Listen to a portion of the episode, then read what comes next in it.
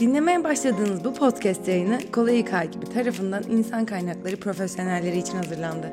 Kolay İK'nın sunduğu Kolay Podcast'e hepiniz hoş geldiniz. Merhaba, Kolay İK'ya hoş geldiniz.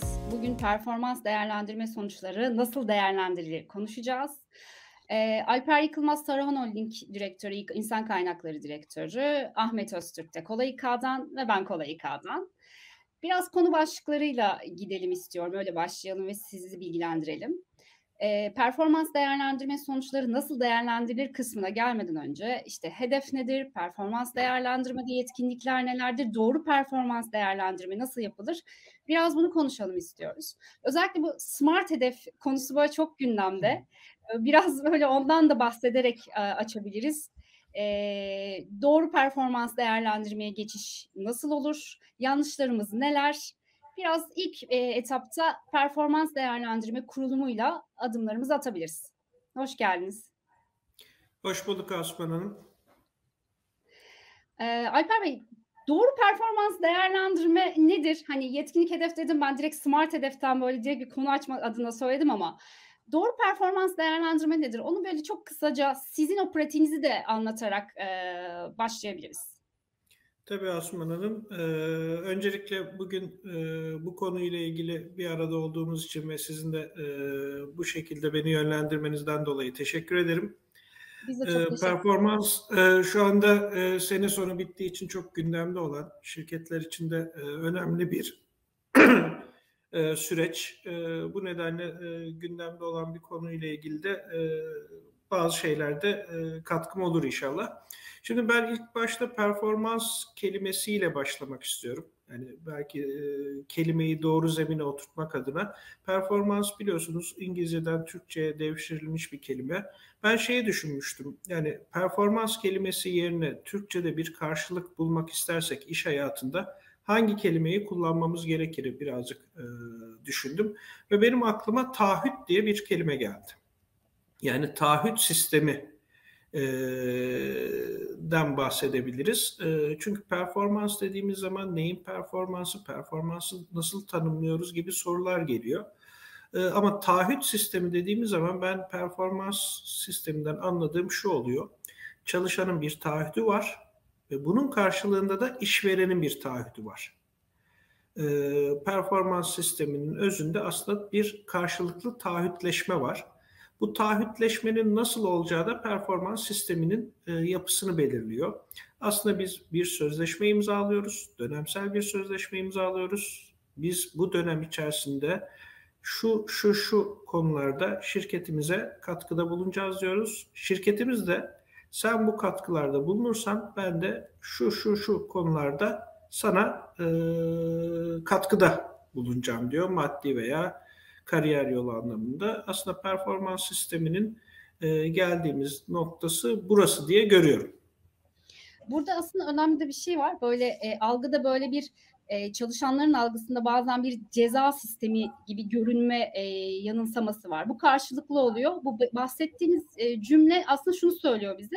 Bir ödül ya da bir prim sistemi eksikleri biraz görebilmek. Hani eksikler ek, karşılıklı eksiklerimiz neler? Ne katarsak bu çok daha iyi hale gelir. Biraz aslında bunu da anlatıyor. Ee, çok haklısınız. Aslında performans kelimesi olumlu bir kelime. Hı hı. Ama performansı kurgularken bu olumlu kelimeyi olumsuz olarak da kurgulayabilirsiniz. Burada da birazdan bahsedeceğimiz kurum kültürü veya kurumun bakış açısı devreye giriyor. Çünkü bir performans sistemini varsa tasarlamak yani mevcutta bir sistem varsa veya yeniden kuracaksak aslında ilk başta sorgulamamız gereken bazı kavramlar var. Yani bizim bu şirketimizde e, performanstan ne anlaşılıyor, performans sistemini nasıl kurmalıyız e, konusunu e, dediğiniz gibi ceza mıdır, ödül müdür, doğrusu ödüldür.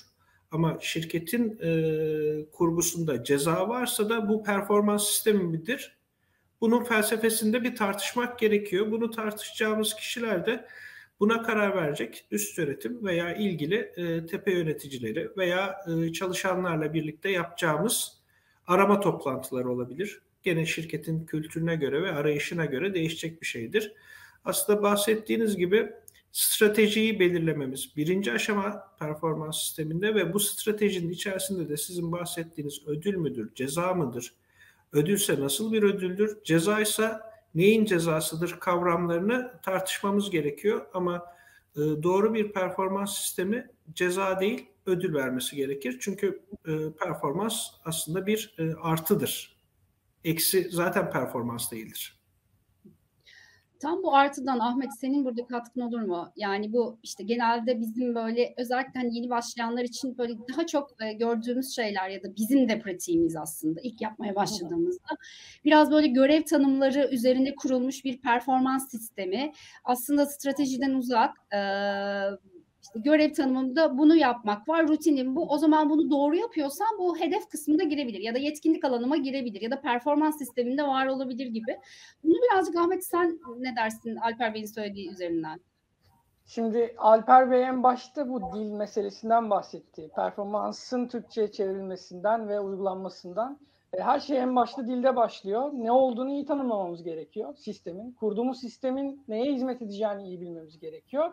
Dolayısıyla bu bilgi eksikliği literatür taramasını doğru yapamamaktan kaynaklanıyor.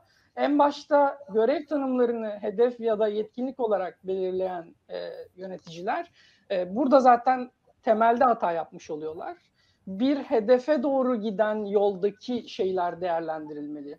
Bir hedefe doğru giden yoldaki çalışma arkadaşlarımızın bu hedefe nasıl katkı sağlayabilecekleri değerlendirilmeli. Dolayısıyla zaten burada bir ekip çalışmasından bahsediyoruz. Bu ekip çalışmasında herkesin belli başlı görevleri var. Burada stabil olarak ilerleyecek bir süreci daha hızlı ve daha öngörülebilir şekilde ilerletebilmenin yegane e, yolu bu görev tanımlarının dışında ayrıca bu görev tanımlarını kapsayıcı ama onlardan yeni bir şeyler doğuracak e, yöntemler belirlemek ve hedefler koymak çalışanlara. Ee, Ahmet Bey haklısınız. Burada da bir katkıda bulunmak istiyorum. Ee, kavramlar bahsettiğiniz gibi çok önemli. Ee, o nedenle aslında performans sisteminden bahsederken ve yetkinlikten de bahsederken yetkinlik performans sistemini yan yana kullanmakta aslında kavram kargaşasının e, bir göstergesi oluyor. Yetkinliğin performansı olmaz. Evet, kesinlikle hedeflerin performansına bakmamız lazım ama hedef bazlı sistem kurmak için yola çıkan şirketler hedef bazlı sistem birazdan konuşacağız. Kuramadıkları zaman sistemi yetkinlik bazlı modele çeviriyorlar ve performans sistemi bu sefer yetkinlik bazlı performans sistemi diye bir kavrama gidiyor. Bu sefer de yetkinliklerin performansını nasıl ölçeceğiz sorusu geliyor ve objektif olmayan bir zemine doğru kaydığımız zaman da performans sisteminin adaleti ve verimliliği tartışılabilir hale gelip performans sisteminde kötü bir tecrübe edinmiş oluyoruz. Evet. Ee, çalışanlar açısından da kötü bir tecrübe, yönetim açısından da kötü bir tecrübe oluyor. O nedenle kavramları doğru oturtarak şirkette de performansı, yetkinliği ve hedefi doğru yerlere koyarak başlarsak aslında e, çok daha iyi bir sisteme doğru gidebiliyoruz. Çünkü yetkinlik hiçbir zaman performans değildir. Ee, bakıldığı zaman e, birazcık daha açmak istiyorum konuyu. Yani e, bir performans sistemi kurmak isteyen şirkette e, benim görüşüm bunu isteyen ilgili yöneticilere en az 5 defa, mümkünse 6 defa, 7 defa neden sorusunu sormamız gerekiyor. Cevap alsak bile. Neden biz bu sistemi kurmak istiyoruz? e, bu sistemle neyi elde etmek istiyoruz sorularını mutlaka sormamız lazım. Çünkü strateji her şeydir. İkinci belki e, bakmamız gereken e, bu işe karar verecek e, yöneticilere performansı iyi olan bir kişiden örnek istememiz lazım. Yani performansı iyi dediğiniz kim var şirketimizde? Ahmet var, Mehmet var, Alper var. Alper'in neyi iyi de performansını iyi olarak görüyorsunuz sorusunu sormak lazım. Büyük bir ihtimalle e, söyleyecek her şey yetkinlikle ilgili olacaktır. Yani e, şu tarihte şu hedefini şu kadar sürede yaptı demeyecek.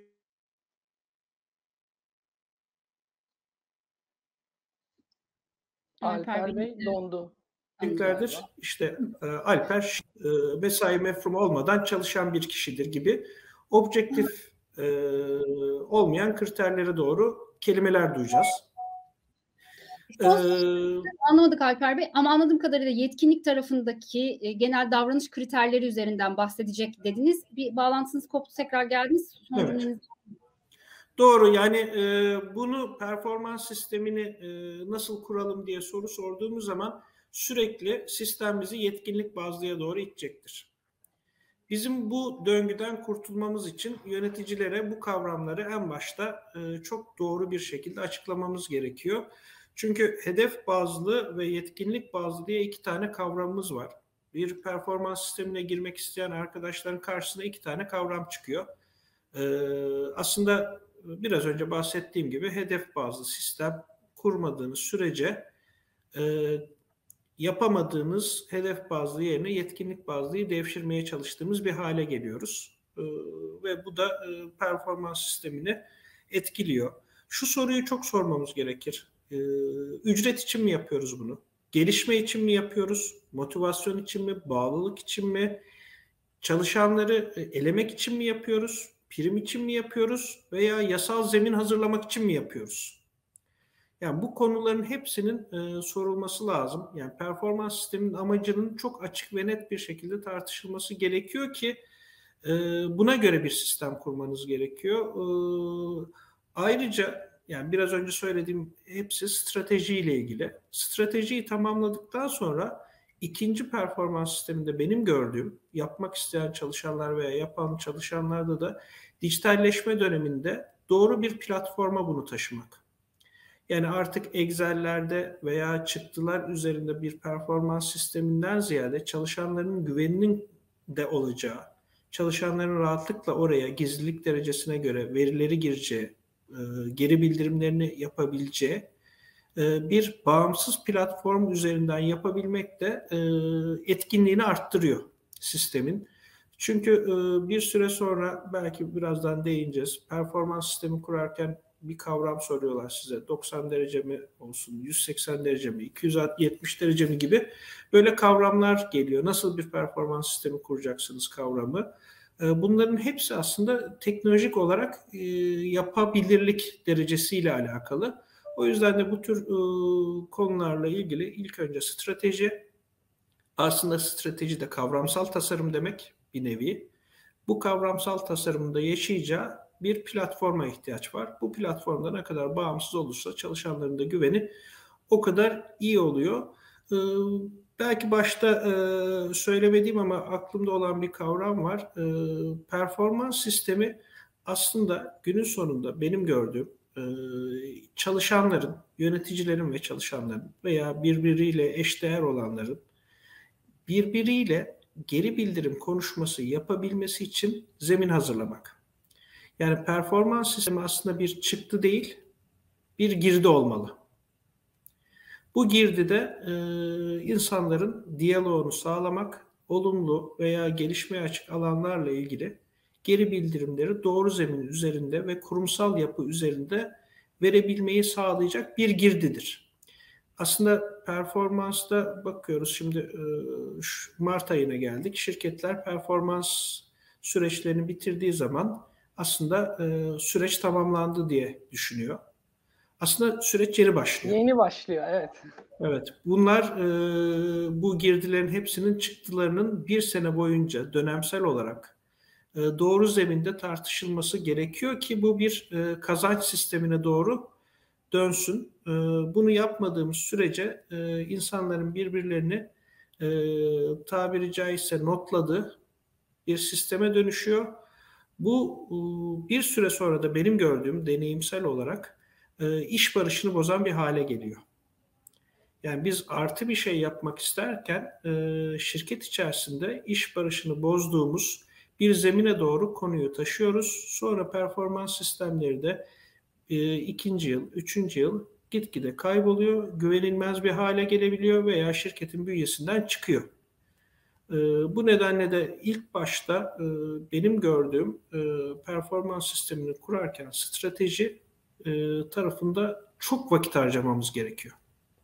Biraz burayı açabilir miyiz? Mesela strateji dediğimiz işte şirketin yıllık olarak ya da bir yıl sonunda nereye varmak istediğini aslında hedeflerle ya da yetkinliklerle ki son dönem dediğiniz gibi aslında ayrılıyor. Yani yetkinlik ya da davranış kriterlerini performans ölçümüne çok eklememeye başladık ya da başladı bazı şirketler ya da ikisini birlikte yürütüyorlar ama yetkinliğin ağırlığı sonuçlara sonuç sonuçlara etkisi biraz daha az oluyor hedeflere oranla eğer ikisini birlikte yapıyorlarsa da.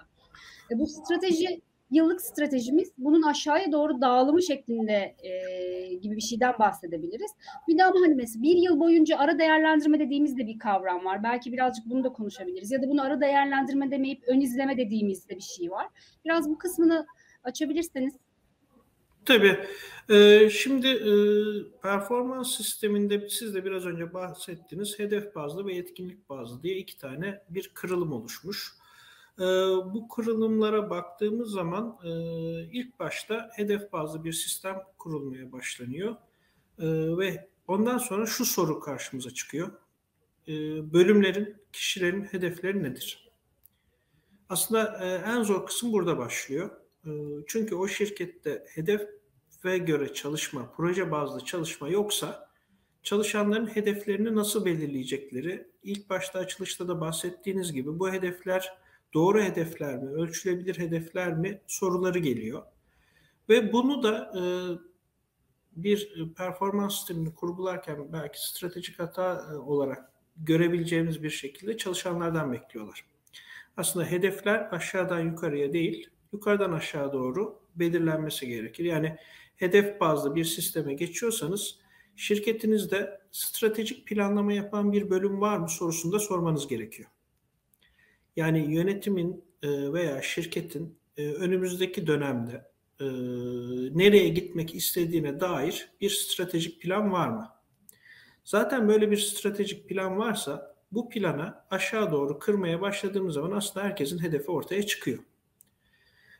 Çünkü doğru bir sistem kurduysanız domino taşı gibi olması gerekiyor. Yani hedeflerini e, organizasyonel olarak, hiyerarşik olarak daha aşağıda olan grup tamamlarsa bütün herkes hedefini tamamlamış olması gerekiyor. Yani operasyonda veya e, bu işleri yapan arkadaşlar hedefini yaptığı anda en tepe yönetici de hedefini yapmış olması bekleniyor. Çünkü bütün hedefler birbirine hizmet etmeli, şirket hedeflerine hizmet etmeli, takım hedeflerine hizmet etmeli. Böyle bir şey gerekiyor. Ee, o nedenle e, hedef bazlı sisteme girdiğimiz zaman e, sormamız gereken bazı konular var. Kavramsal tasarımdan da bahsederken sormamız gereken bazı e, konular var. Benim gördüğüm e, ilk başta e, genel bir yanlış bu performans sistemi, hedef bazlı sistem, yetkinlik bazlı sistem ne kuruyorsanız bütün çalışanları kapsayacağı varsayılıyor. Aslında her iş tanımı hedef vermeye, veya yetkinlik olarak ölçmeye uygun değildir. Evet bu da önemli bir durum. Ee, her iş tanımı dediğiniz gibi bir hedef vermeye uygun değil, bir yetkinlik ölçmeye uygun değil. Ee, burada bütün şirketin performansının değerlendirilmesi de aslında olası bir durum olmuyor. Ee, Doğru. Buna göre e, buna göre şirketin gideceği yolun doğru belirlenmesi ve o yola giderken doğru kişilerin değerlendirilmesi gerekiyor. E, haklısınız. Bu, Bizim insan kaynakları e, jargonunda şöyle bir e, durum var. Tanımlı işler ve tanımsız işler var. E, yani şimdi organizasyon şemaları e, şöyle çalışması gerekir. E, şöyle e, daha doğru oluyor Organizasyon şemasında yukarıya doğru yani hiyerarşik olarak üst kademelere doğru gittikçe işlerinizin tanımsız hale gelmesi beklenir. İşinizi ne kadar tanımlı hale getiriyorsanız aslında organizasyon şemasında daha aşağı doğru gitmesi gerekiyor işlerin. Ee, o yüzden de e, tanımlı işler ve tanımsız işler var. Tanımlı işleri çok basit bir örnek verebiliriz. Yani kişi ertesi sabah işe gidip de mesaisi bitene kadar ne işleri yapacağını ve nasıl yapacağını biliyorsa tanımlı bir iştir. Ama sabah bir telefonla bütün gün boyunca bir sorunu çözecekse veya bir problemle uğraşacaksa bu tanımsız iştir. Ve tanımsız işte de hedef koymak birazcık daha zorlaşır. Hedef bazlı sistemlerde tanımlı pozisyonlar, tanımlı işlerde hedef koymak çok kolaylaşıyor. Örneğin mavi yaka dediğimiz saat ücretli çalışanların e, hedeflerini koymak çok kolay çünkü ölçülebilir hedefler konuyor. Ve e, örneğin saat ücretli çalışanlarda aslında performans sistemi bir nevi verimlilik ölçüm sistemine dönüyor. Çünkü onlarda tersi değiştiriyor genelde hedefler. Nedir? 5 saat içerisinde 20 adet paketleme yapmak. Bunu 18 adet paketlemeye indirdiğimiz zaman kişinin performansı artı aslında verimliliği tartışır hale geliyoruz. O nedenle şirkette bir sistem kuracaksak ilk önce tanımlı işlerimiz hangileri, tanımsız işlerimiz hangileri diye bir ayrıma gitmek lazım. Ve tanımsız olan işlerde hedef koymayı zorlamak yerine belki biraz önce konuştuğumuz yetkinlik bazlı sistemi orada deneyebiliriz. Evet. Çünkü zorlama hedef koymak da aslında sistemi yıpratıyor ve sistemin doğru çalışmasını engelliyor. Herkese hedef koyacağız veya herkese yetkinlik tanımlayacağız diye bir kavram yok. Örneğin e, bir makam şoförü veya şirketteki havuz şoföründe hedef bazlı sistem yerine yetkinlik bazlı sistem daha iyi çalışabilir. Çünkü önemli olan oradaki yetkinlikleri midir yoksa bir saatlik yolu çok hızlı gitmesi midir? Neyi ölçeceğiz? Ee, doğru sürüş teknikleriyle gitmesi midir yoksa hızlı gitmesi midir gibi e, yani bunları hedefleri koymaya başladığımız zaman kafamızı karıştırmaya başlıyor. Buradan çıkış yolu benim gördüğüm e, şu. Niye hedef bazlı sisteme bu arkadaşı katmak istiyoruz? Yetkinlik bazlı sisteme katalım dediğiniz zaman aslında problem çözülmeye başlıyor. Ee, o nedenle de kimler hedef bazlı, kimler yetkinlik bazlı veya ikisi birden olacak mı sorularını e, sormamızda fayda var. E, zaten e, şirketin içerisinde e, ISO dediğimiz kalite yönetim sistemi varsa, bu kalite yönetim sisteminin de istediği süreç izleme kartları varsa, e, ilgili süreçlerin zaten e, KPI'leri yani e, anahtar başarı göstergeleri zaten tanımlanmış oluyor. Mesela orası bir başlangıç yeri olabilir hedef bazlı sistemleri kurgulamak için. Nelerin hedef olacağını görebilmek için. Burada ee, buyurun. E, sözünüze girdim ama burada bir buyurun. tane örnekle gitmek aslında iyi olabilir diye düşündüm. E, hep bunu şunu düşünüyorum. Mesela ben masa başı bir işte çalışan bir insanım e, bir işim var ve o işin üç gün içerisinde bitirilmesi gerekiyor. Bu işin iki gün içerisinde bitirilmesi eğer bana ya da şirkete bir katkı sağlamayacaksa bunun bir hedef olarak çalışana verilememesi gerekir, verilmemesi gerekir. Burada e, aslında burada sizin de fikrinizi merak ediyorum. E, üç gün içerisinde bitirmem gereken bir işi Ahmet üç gün içerisinde bitirecek şeklinde hedef olarak vermek yerine kalan arta zamanda neler yapılabileceğiyle ilgili bir hedef vermek gerekiyor. Ee, burada en başta o kavramları doğru tanımlamak ve çalışana ne yapması gerektiğini e, doğru anlatmak gerekiyor. Keza e, işte 3 ay içerisinde 5 tane kitap okuyacağım. Bu benim hedefim olamaz. E, burada o kitapların neye hizmet edeceğini belirlemek gerekiyor. Aslında hedef belirlerken biraz bunlardan bir yola çıkarak örnekleyebiliriz konuyu. Evet çok haklısınız. Hedef belirlerken yapılan çok yaygın hatalar var. Çünkü nelerin hedef olacağını belirlemek aslında e, kolay gibi gözükse de e, doğru metodolojiyi kullanmazsanız e, çok karmaşık hale ve işin felsefesinde düştüğünüz tarafa doğru geliyor. Biraz önce sizin verdiğiniz örnekte e, kişi bunu üç günde yapması gereken bir işi daha az sürede yapıyorsa e, bu bir performans göstergesi midir? Tartışılır. E, iki günde yaptığı için belki işin kalitesinden ödün veriyordur. O işin edebiliri üç gündür belki de. Niye iki güne böyle sıkıştırıp e, işi daha riskli hale getireceksiniz? Peki e, dediniz ki iş üç günlüktür. Normalde bu iş normal performansla iki günde yapılıyorsa zaten e, üç günlük bir iş değilmiş o. O da bir performans değildir.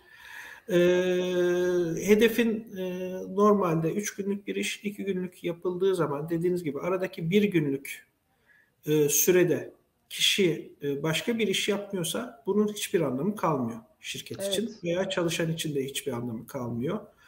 E, sürekli olarak kişi ve sistem ne kazanacak? Yani bu hedefi yaptığı zaman kişi veya sistem ne kazanacak sorusunu sormamız lazım.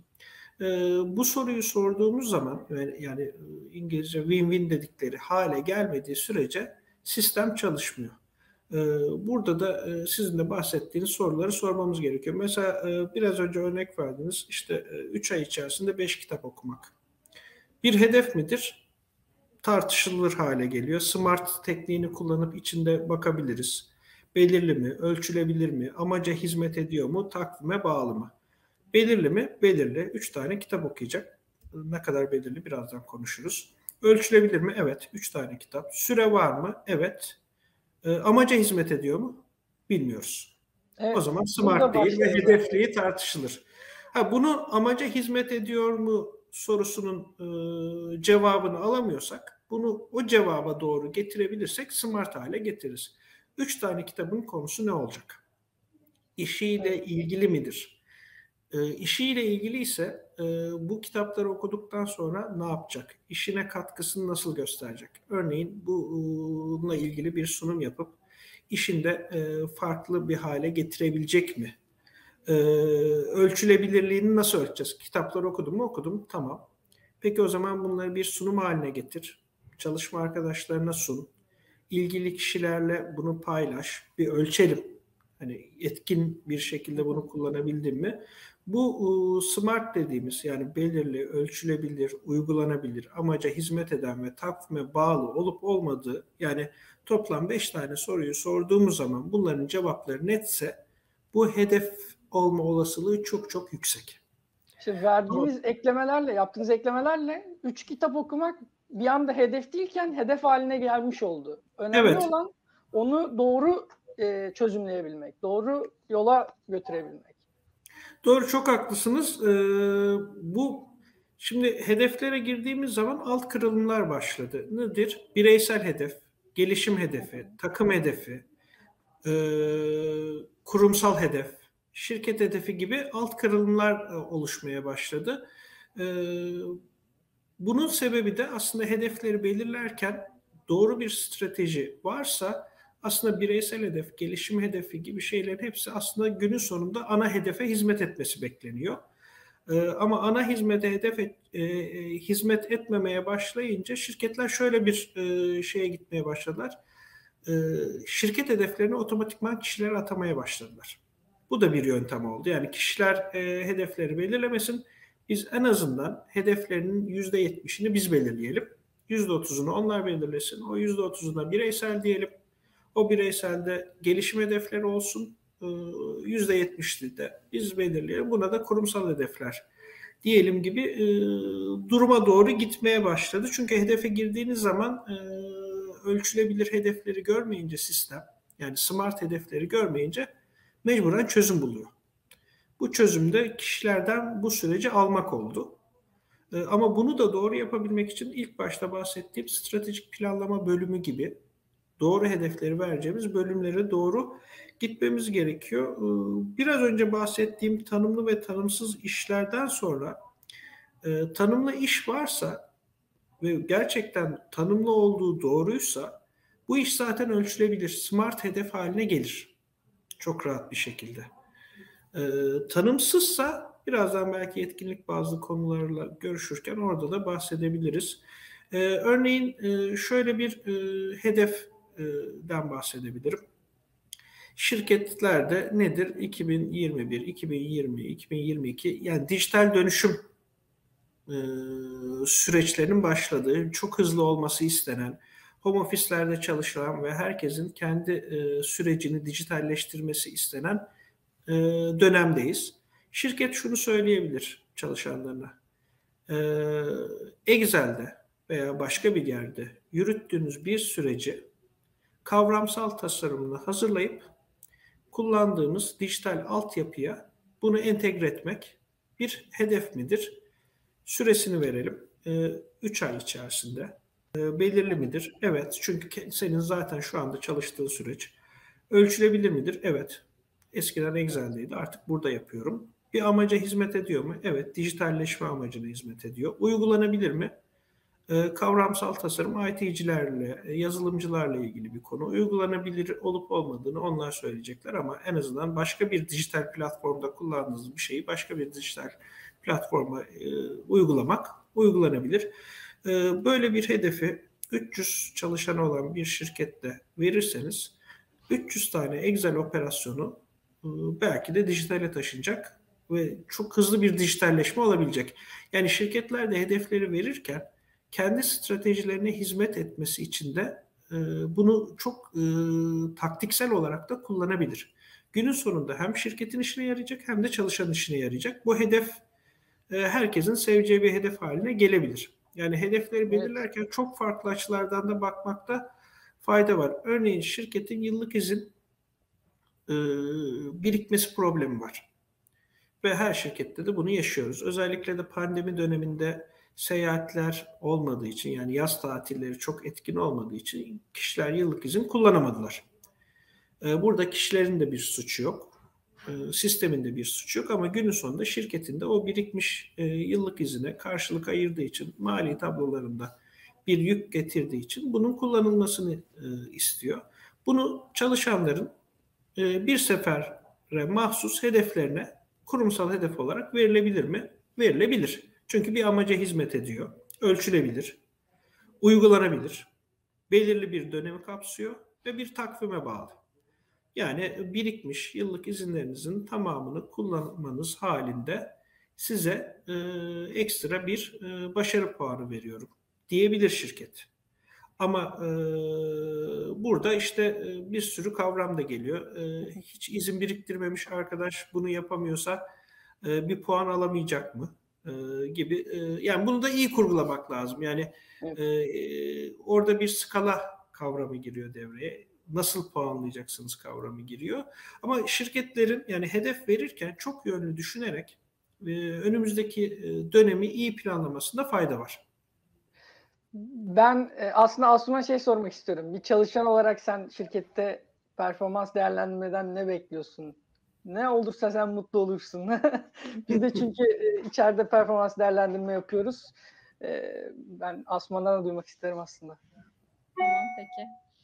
Ya ben aslında performans değerlendirme ile ilgili ilk kurgum şu. Kendimin farkında olmak, şirketimin durumunun farkında olmak ve kendimin ve şirketimin durumunun farkında olarak bir strateji belirlemek. Yani var olandan bir çıkış noktası yakalamak. Şu an neredeyimi soruyorum. Mesela biz bizdeki kurgularda da böyle yapıyoruz ya. Şu an neredeyiz? İşte retention, işte churn rate'imiz şu, memnuniyet oranımız bu. İşte şu kitapları okuduk, bunlar bize sunumlar yaptık. İşte hukuk tarafında şunları öğrendik.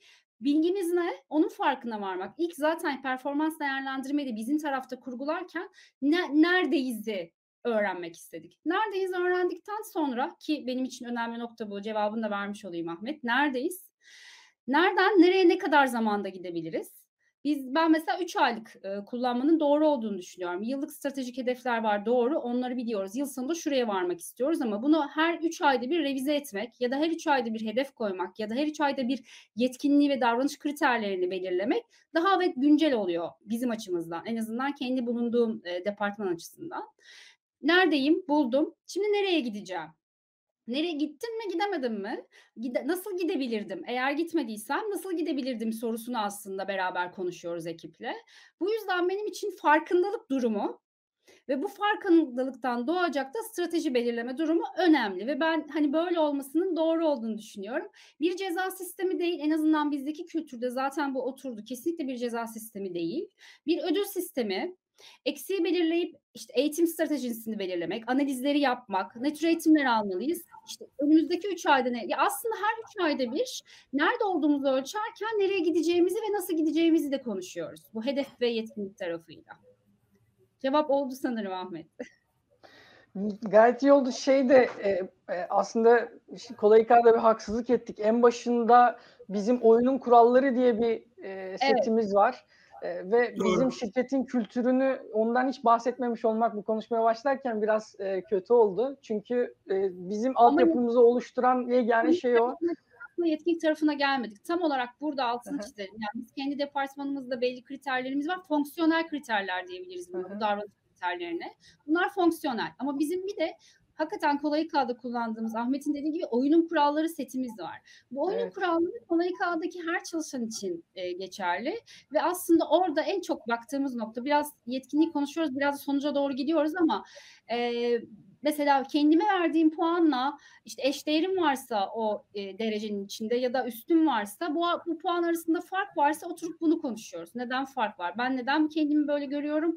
Neden üstüm ya da eşdeğerim beni böyle görüyor? Oyunun kuralları aslında bizim genel olarak kolay K kültürünü yans yansıtan. O da herkesin bildiği gibi belki vizyon, misyon değerlerinden ortaya çıkan bir şey ve kendi dilimizin de olduğu şirketin şirket kültürü her bir şirketin bir organizma sonuçta ve her şirketin e, canlı bir yapı olduğu için bir dili var. Bizim de kendi dilimiz var. Bunu vizyon misyonla beraber birleştirdiğimizde ve stratejimizle beraber birleştirdiğimizde oyunun kuralları seti diye bir yetkinlik davranış kriterleri setimiz var bizim. Ee, buradan çıktı artık topu hem Ahmet hem Alper Bey'e bırakıyorum. Ee, Burada evet ufakça... yani e, güzel bir pardon buyurun. E, hemen şey ufak bir şeyler söyleyeceğim. E, buradan aslında sonuçlara doğru gitmeye başladık. E, Alper Bey'den aslında sonuçların değerlendirilmesiyle ilgili e, birkaç noktaya e, değinmesini isteyebiliriz. E, çünkü performans değerlendirmeyi nasıl yapacağımızı, hedefleri e, nasıl seçeceğimizi, yetkinlikleri nasıl seçeceğimizi belirledik. Oyunun kurallarına da bu yüzden biraz da değinmek istedim. E, artık sonuçlar dönemi geldiğinde biz neler yapmalıyız, nereye götürmeliyiz, e, ceza vermeli miyiz, ödül vermeli miyiz, e, çıktılar ne olmalı, eğitim gibi vesaire gibi. Evet, e, şöyle e, literatürde ve uygulamada aslında şöyle bakılıyor. Hedef bazlı sistem e, daha maddi sonuçlar doğurmalı. Ama bu maddi sonuçlar ücrete değil bir prim, tek seferlik ödemelere doğru gitmeli. Çünkü ücreti ilave ettiğiniz e, tutarlar belli bir süre sonra e, geri alınamayacağı için aslında performansa ters etki edebilir. E, o yüzden de ücretle e, hedef bazlı bir sistemi bir araya getirmeyin. Bulabildiğince tek seferlik ödemelere doğru e, götürün denir. Yetkinlik değerlendirmesi de e, ücretsel e, konuların dışında gelişim amaçlı olması istenir e, gelişim amaçlı yaparak e, şirketin daha davranışsal kriterlerine, şirketin daha uzun vadede e, ki hedeflerine, e, sayısal olmayan hedeflerine gitmek için e, doğru davranış setini bulmaya yarayacaktır. O yüzden de yetkinlik değerlendirme sistemi ve hedef bazlı performans sistemi açısından baktığımız zaman çok temel iki tane e, sonuç var.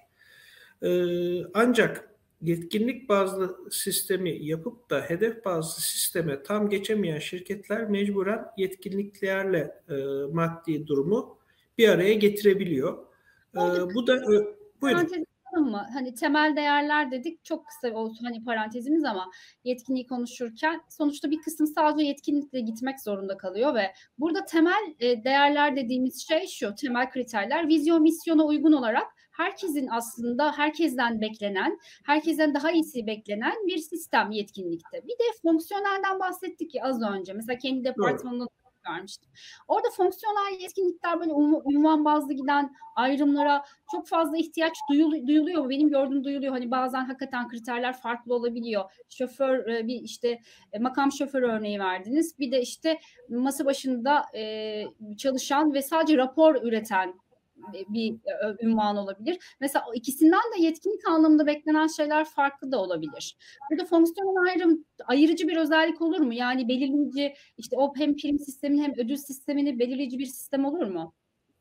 Ee, olur ee, çünkü zaten şu anda da e, kullanılan e, ve piyasada yaygın olan e, bakış açısı bu şekilde. İlk başta bir temel yetkinlikler dediğimiz yani o şirkette çalışan herkes de ünvandan bağımsız, fonksiyondan bağımsız herkeste olmasını istenilen yetkinliklerin bir ölçümü yapılıyor. Buna temel yetkinlikler deniyor ve bu temel yetkinliklerde herkese bakılıyor. Daha sonra sizin de bahsettiğiniz gibi fonksiyonel dediğimiz yetkinlikler başlıyor ama bu fonksiyonel yetkinlikler biraz fonksiyonunun dışında liderlik yetkinliklerine doğru da kaymaya başlıyor. Nedir? Bu ıı, kişi doğru bir yönetici olacak mı? Doğru bir lider olacak mı e, sorularını sormaya başladığımız zaman fonksiyondaki herkese de bu soruyu sormak istemiyorsunuz. Çünkü herkes yönetici adayı olmayabilir. Fonksiyonel de kendi içerisinde biraz ünvansal olarak e, kırılmaya başladı. Yani insan kaynaklarındaki herkesten yöneticilik yetkinliklerini bu etapta beklemeyebilirsiniz. Ama insan kaynaklarının fonksiyonel yetkinliklerini beklemek durumundasınız. Ama bazı kişilerden de kariyer planlamasına göre o sırada e, yöneticilik yetkinliklerini ölçmek istersiniz. Yoksa da bir gelişim planı hazırlayarak o kişiyi kariyer yolunda yöneticiliğe doğru gitmesini bekleyebilirsiniz.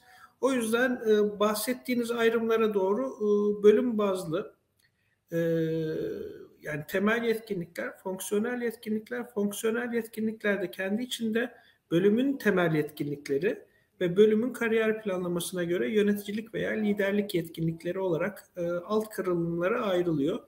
Biraz önce bahsettik e, performans e, veya yetkinlik bazlı değerlendirme hangisi olursa olsun fark etmez bir çıktı değil girdi.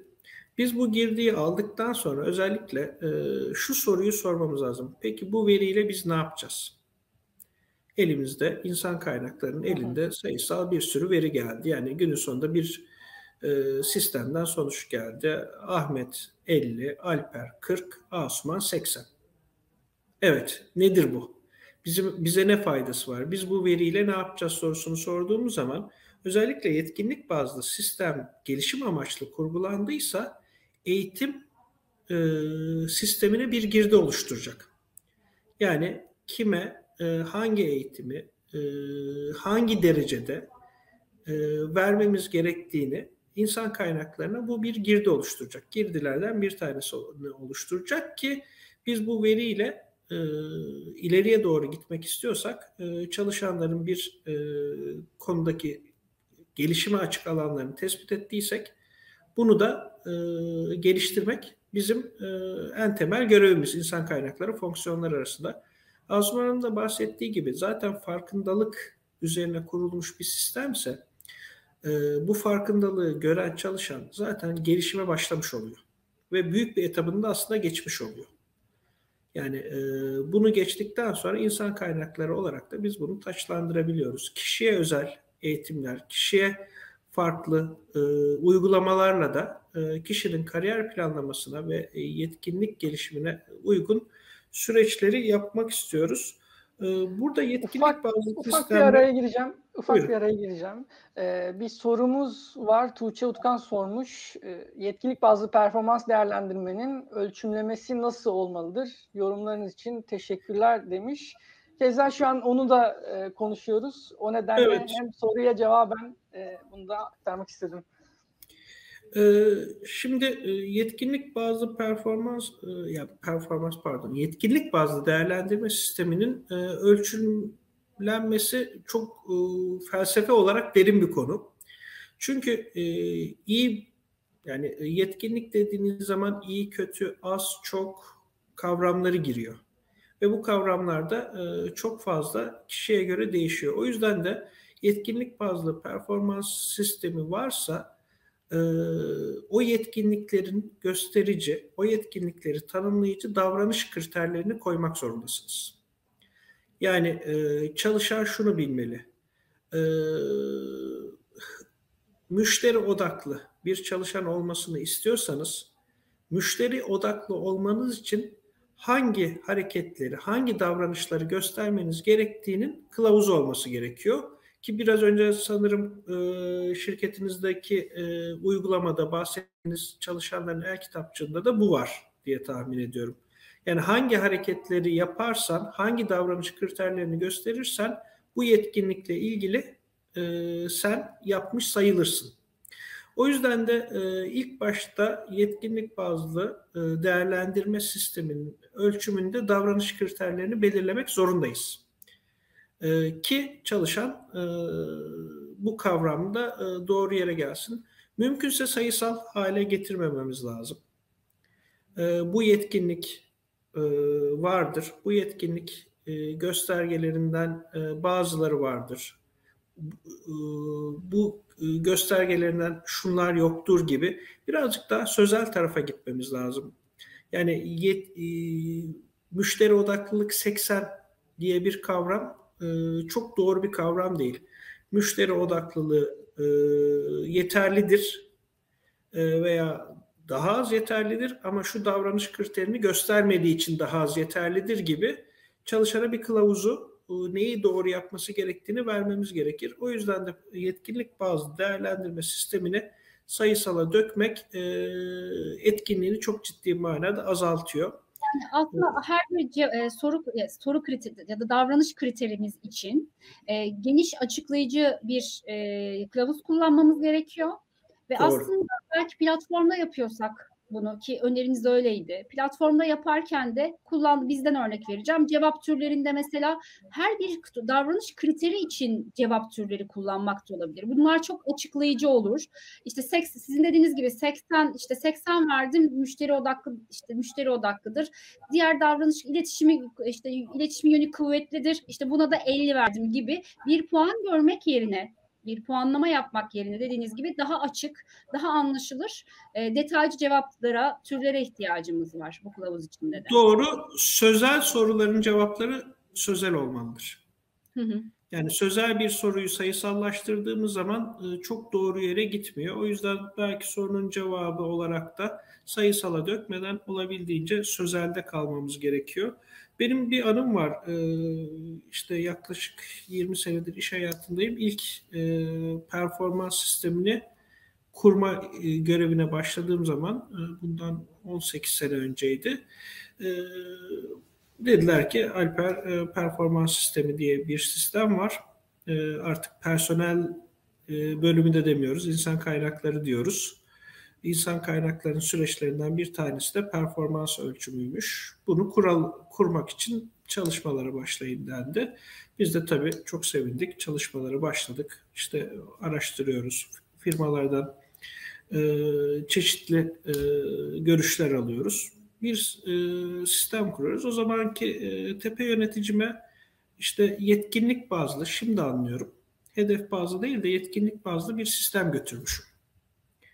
Ee, şöyle bir geri bildirim verdi. Alper e, sen e, hangi sistemi kurarsan kur benim ilk beşim bellidir dedi. Sıralaması da bellidir dedi. Ne sorarsan sor sonuçta o ilk beşin sıralaması çıkacaktır dedi. O zaman e, çok canımız sıkılmıştı. Hani e, sisteme olan inancımız e, körermişti ve bunu nasıl çözeriz demiştik. Çözemedik. Çünkü yetkinlik bazlı sistemle performans ölçmeye çalıştığınız zaman olmuyor. Sonradan Araya diyeceğim çok özür dilerim. Burada mesela daha fazla kişiyi katmak e, bu o, subjektif kısmı engelleyebilir mi? Mesela ilk başta şöyle başlanıyor gerçi. İlk hani ilk başta işte kendisini ölçümlemek bir de üstünü katmak. Yani 180 dereceyle başlıyorsunuz. Bunu işte 270'e 360'a çıkarmak bu şeyi engelleyebilir mi diye bir soru oldu aklımda. Yani hem de doğru e, bunu o zamanlar e, teknolojik platformlar yeterli değildi. E, çıktıları da 15 kişide gezdiremiyordunuz. Hani fiziksel olarak da kolay olmuyordu. O zamanlar bir çözüm değildi. O zaman ama şu anda yetkinlik bazlı bir sistem kullanıyorsanız e, olabildiğince çok kişinin görüşünün sisteme girmesi e, sistemin manipüle edilmesini engelliyor.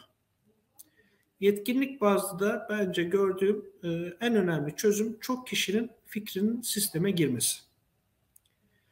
E, daha sonra e, anlıyorum ki o zaman yetkinlik bazlı bir sistem kurduğumuz için e, çok ciddi başarılı olamadığımızı aslında hedef bazlı bir sistem kursaydık e, ilgili kişi ilk beşini sıralayamayacaktı bize. Çünkü sayısal olacaktı. E, o yüzden performans sistemi hedef bazlı olmak zorunda. Yetkinlik sistemi kurduğunuz zaman çok manipüle edilebilir bir hale geliyor. Bundan kaçış nedir? Davranış kriterlerini çok net belirlemek ki o da her zaman yetmiyor. Ne kadar çok kişi sisteme girerse, görüşlerini ne kadar çok paylaşırsa e, ilgili tepe yöneticisi veya e, vereceği e, sonuçların matematiksel olarak e, çıktıları yüksek birisi tek başına sistemi değiştiremiyor. E, o yüzden de e, şu anda e, bizim de kullandığımız e, ve benim de görüşüm e, çok fazla kişinin yetkinlik bazlı sistemde olmasını sağlamak en önemli e, anahtar durumunda. Ama bu da biraz önce bahsettiğim gibi bir teknolojik e, olanakla olabiliyor. E, yetkinlik bazlı da e, farklı e, dinamikler var. Bu da biraz aslında dolaylı kolay reklamı gibi oldu. Çünkü yani teknolojik altyapıyı da biz sunuyoruz. O yüzden e, bizim gibi sadece kolay İK değil, farklı e, platformlar da tercih edebilirler yine. E, bu alt, teknolojik altyapıyı sağlamak adına. E, yavaştan toparlayacağız konuyu. Evet. E, kısa bir özet e, geçmek istiyorum. E, daha sonra sizden bir görüş alacağım Alper Bey. E, performans değerlendirme bence bugünün en önemli e, cümlesi şu oldu. Performans değerlendirme bir çıktı değildir, girdidir. E, o yüzden bu bir süreç. Performans değerlendirme sonuçları çıktı. Ahmet 50 almış, 60 almış, 100 almış fark etmez. Ve buradaki temel nokta o puanın kaç olduğu değil. O puandan sonra gelecek çıktılar aslında hem çıktı hem girdi gibi oluyor. Biraz kavramda şey oluyor. E, insan şaşırabiliyor. E, bunları nasıl değerlendirileceği, bu sürecin daha sonrasında nasıl kurulacağı, ücret prim alacaksa o prim nasıl verilecek, e, eğitim planı yapılacaksa bu eğitim planı nasıl verilecek? Hatta kurulan sistemde eğer bazı ufak tefek hatalar varsa onları nasıl düzelteceğiz gibi e, planlamalar yapmak lazım. Bu, ufakça böyle bir e, sizden toparlama gibi şeyler alabiliriz. Evet, benim teşekkür ederim. Aslında iki tane e, bahsetmek istediğim e, notum da var. Ondan da e, biraz önce Kolay İK platformundan da bahsettiğiniz için biraz daha başa dönerek e, söylemek istiyorum.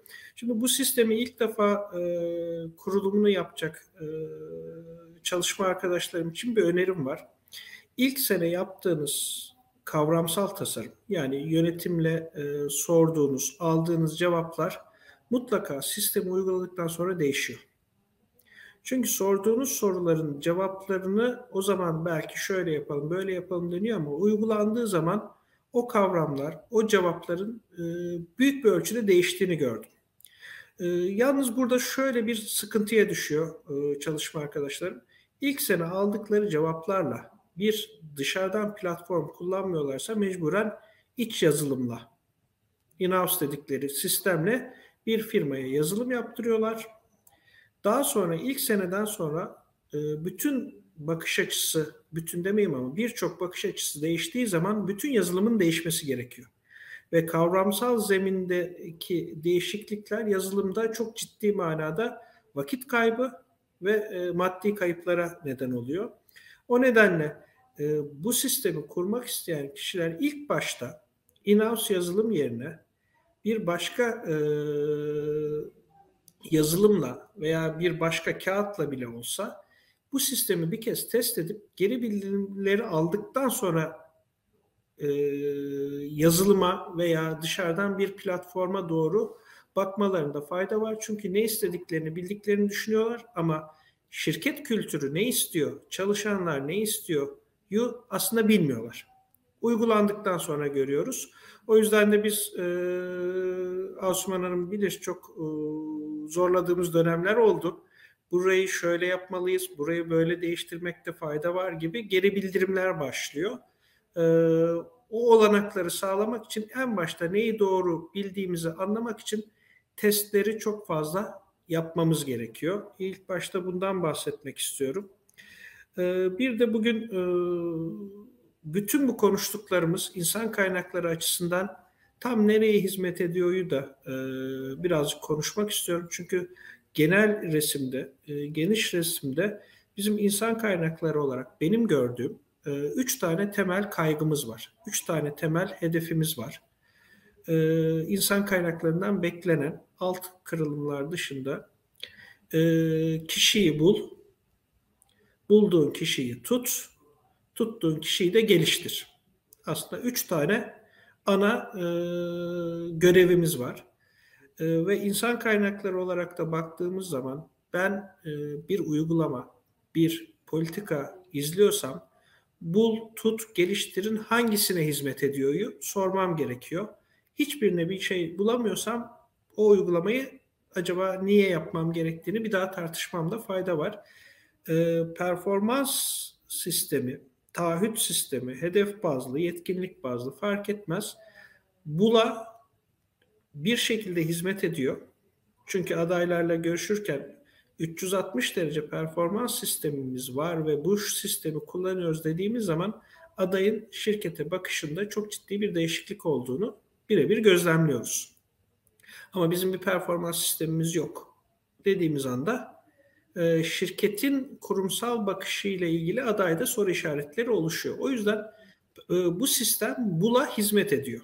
Yani aday bulmada ve doğru adayı içeriye çekmede hizmet ediyor. Tuta hizmet ediyor. Çünkü performansını doğru ölçtüğünüz çalışan şirketten e, ayrılması için olabilecek potansiyel sebeplerden birini engelliyorsunuz. Aynı zamanda geliştire hizmet edebiliyor. Niye? Yetkinlik bazlı değerlendirme sistemi kurarsanız ve bunu eğitimle birleştirip bir gelişim ve kariyer yolu haline getirirseniz e, geliştire de hizmet ediyor. Belki bu performans sistemi e, yetenek havuzuna kadar gidecek bir sürece geliyor. E, baktığınız zaman insan kaynakları uygulamalarında üç noktaya değinen ender uygulamalardan biridir performans sistemi. E, yapılmasında fayda var ama doğru yapılmayacaksa da e, iş barışını bozacak hale getirecekseniz de hatta e, artık mahkemelerde de e, adil olmayan performans sistemi nedeniyle geçerli sebeple iş akdini feshetmeye başlayan çalışanlar olduğunu da e, duyuyoruz, biliyoruz. Yani e, kaş yaparken göz çıkartacağımız hem yasal hem de şirket bağlılığını etkileyecek hale gelmemesi de önemli. O yüzden çok etkili kullanabileceğimiz doğru bir araç. E, riskleri var mı?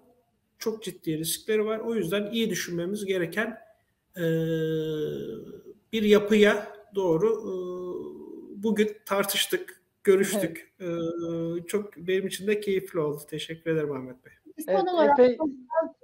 Buyurun. kaldı ama yine de böyle sonuç yani sonuçları özetlemek gerekirse yani performans değerlendirme sonuçlarını aldığımızda bunu özetlemek gerekirse kariyer planına hizmet ediyor.